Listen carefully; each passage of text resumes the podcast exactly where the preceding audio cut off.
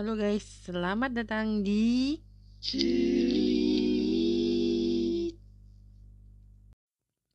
Yes, yes, yes. Selamat datang di episode kedua Celimit bersama cerita si Poni. Cerita 5 menit, biarpun sedikit seiprit, tapi tetap menggigit. Oke, jadi di episode kali ini gue mau cerita pengalaman tentang body shaming yang gue alamin sejak kecil.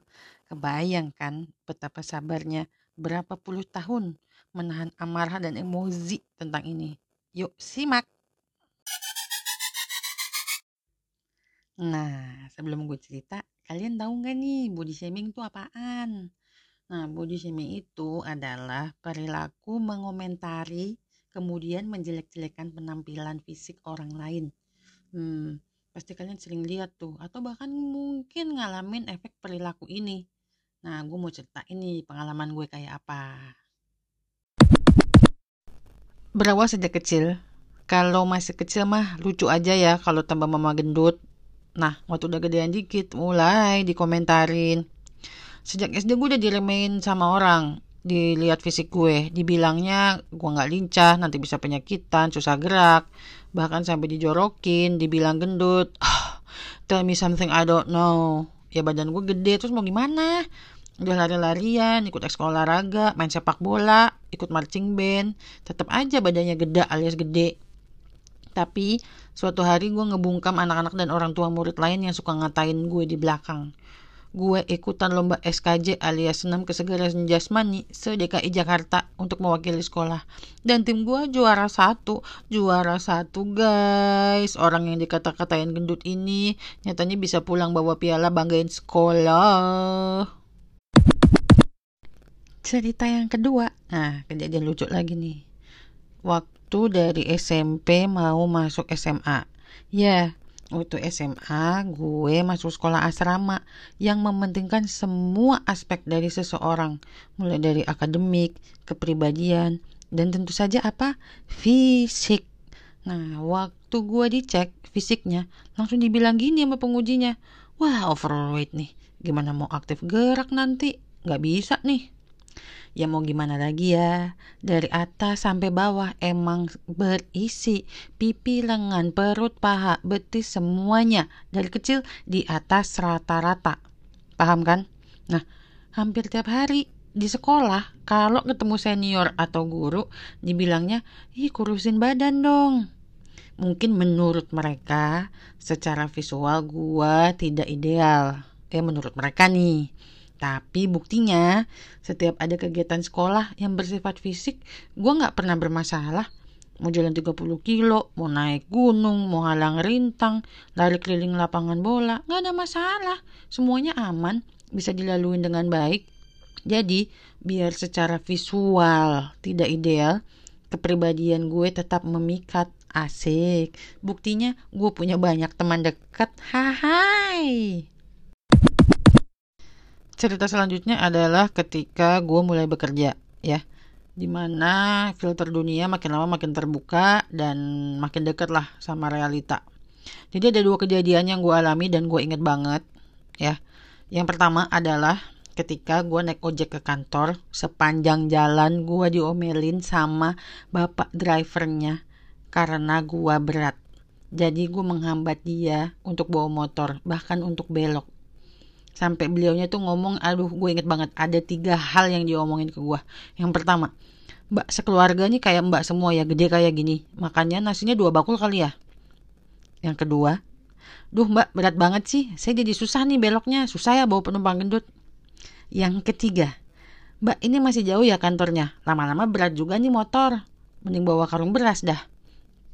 Hmm emosi udah kekumpul tapi Kemudian gue cuma bilang gini aja sama bapaknya. Pak saya minta maaf ya kalau saya menghambat bapak karena saya berat. Tapi kalau dari awal memang bapak keberatan dalam arti harafiah mungkin menurut bapaknya kalau memang bapak keberatan ya udah kan tinggal cancel atau saya tinggal pesan ojek yang baru lagi yang harusnya nggak jadi masalah sebesar ini gitu selesai kan maksudnya kalau emang dia nggak mau ya tinggal bilang aja nggak mau. Nggak usah sampai ngata-ngatain penumpangnya. Yang lumayan tuh 45 menit sampai satu jam di atas motor dengerin kayak begitu. Gimana coba guys perasaan kalian kalau mendengar hal itu dikatakan kepada kalian? Cerita yang kedua di dunia kerja adalah perlakuan yang berbeda. Nah body shaming itu bisa uh, terjadi bukan hanya melalui kata-kata loh guys tapi dari tindakan juga Nah, di dunia ini tuh masih banyak orang yang punya anggapan bahwa orang gendut atau berbadan besar tuh jelek. Jadi dibedakan dari perlakuannya. Padahal kan orang-orang seperti ini manusia juga, e, layak juga dapat perlakuan yang sama dan setara. Kalau emang baik ya baik gitu. Nah, di sini e, menurut gue orang yang mungkin e, penampilannya tinggi, langsing, putih atau e, proporsional gitulah. Nah itu adalah standar ganteng atau cantik yang dilihat orang. Jujur, eh, gue capek banget sih menghadapi stereotip dan perlakuan seperti ini karena nggak cuma sekali dua kali. Juga ini terjadi di banyak tempat. Bahkan ketika kenalan sama orang atau mau cari ya mungkin mencari relasi baru gitu. Karena orang-orang yang seperti itu mungkin ya ini lagi-lagi mungkin jadi tolong eh, ini menurut dari perspektif gue aja mungkin secara visual gue tidak proporsional ya secara visual. Ya udahlah akhirnya sering lah dicuekin, di ghosting, diabaikan ya atau enggak nggak punya keistimewaan lah dari uh, kehidupan sehari-hari gitu. Ya kalau bahasanya sekarang ya yang good looking ya yang dikasih penting gitu. Lah belum tahu aja nih kalau orang udah kenal atau temenan sama gue uh pasti ketagihan pengen ngobrol terus bahkan sampai hal yang dalam-dalam jadi gitu guys ceritanya. Gimana? Ada yang pernah ngalamin hal yang sama nggak? Atau ini relate nggak sama kalian? Nah gimana sih caranya gue ngadepin kayak gini? Memang awalnya gue sebel tapi kemudian gue memutuskan oh ya udah self love aja nggak perlu pengakuan dari orang lain untuk mencintai diri sendiri.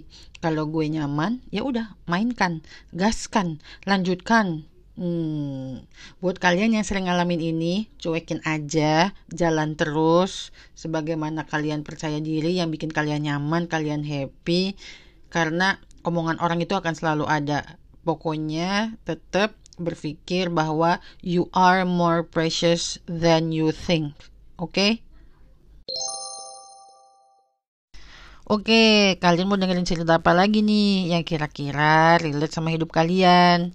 Yuk berbagi sama gue di underscore hey atau @atahey bisa langsung DM atau tweet aja. Gue tutup episode ini dengan pantun.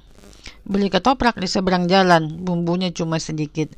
Ayo dong kita kenalan sambil dengerin celimit. Hai. Simak terus celimit di channel Cerita Poni setiap Sabtu atau Minggu ya. Jangan lupa kalian tetap stay safe and stay healthy.